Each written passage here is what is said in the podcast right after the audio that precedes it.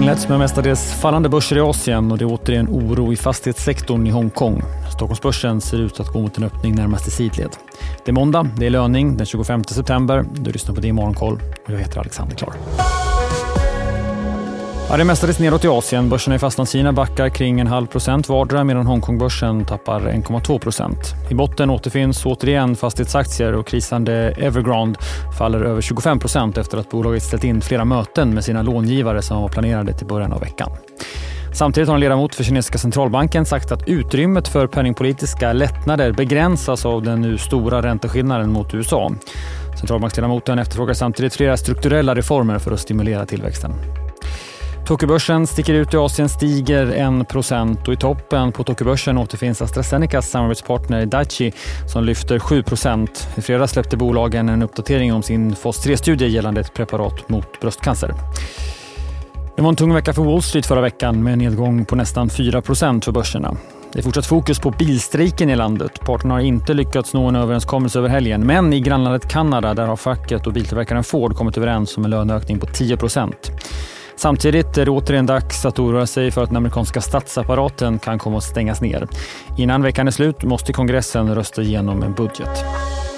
Sverige så. Det hårt pressade fastighetsbolaget SBB stöper om sig själva och får in 8 miljarder i likvida medel Det sker som en del av den strategiska översyn som bolaget genomfört. SBB säljer drygt 1% av dotterbolaget Educo till kanadensiska Brookfield och blir därmed minoritetsägare i bolaget.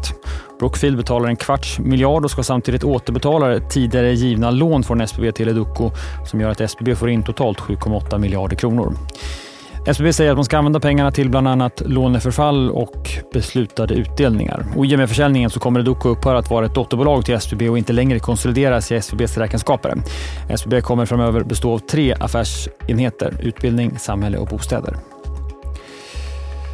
Det uppmärksammade jordskredet på E6 vid Stenungsund kan kosta mellan flera hundra miljoner kronor och upp till någon miljard. Det här säger en specialist på riskhantering på konsultbolaget Sweco till Nyhetsbyrån TT. Förutom kostnader för väg och fastigheter så kan det leda till påverkan på el och vattenförsörjningen. Trafikverket uppgav i helgen att man ännu inte hade någon kostnadsberäkning. Tittar vi avslutningsvis på dagens och veckans agenda, den här avslutningen av september och det tredje kvartalet, så ser det ut att vara ett par stilla dagar efter alla räntebesked vi fick under förra veckan. Senare idag under förmiddagen kommer eh, siffror från Tyskland i form av IFOs månadsmätning över det tyska affärsklimatet. Föga förvånande väntas det försvagas något efter fyra månader med sämre utsikter. Under veckan får vi en del svensk statistik. Producentpriset för augusti kommer imorgon tisdag. Det har varit fallande siffror de tre senaste mätningarna. Senare i veckan också detaljhandel som även den varit fallande under en tid. Och på tal om detaljhandel, en tung svensk rapport på onsdag. Modigheten H&M redovisar sitt tredje kvartal som täcker juni, juli, augusti. Bolaget, vars aktie gått starkt år upp kring 40% väntas visa en rejäl vinstförbättring i kvartalet och resultatet spås landa på drygt 4,6 miljarder.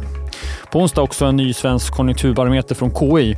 Och det spås visa på fallande efterfrågan och sämre utsikter även där. Annars mycket tal eh, att spetsa öronen för, inte minst från ledamöterna i den europeiska centralbanken som är ute och talar. Budskapet higher for longer var ett tema från flera centralbanker under förra veckan. Veckan avslutas med färsk eh, KPI och inflationsstatistik från Europa och USA. En del inflationsstatistik utlovas också i dagens Börsmorgon. Dessutom snackar vi en hel del råvaror. Programmet startar som vanligt kvart i nio, men går också att lyssna på som podd senare under förmiddagen. Det är Morgonkoll. Jag är tillbaka igen imorgon. Jag heter Alexander Klar.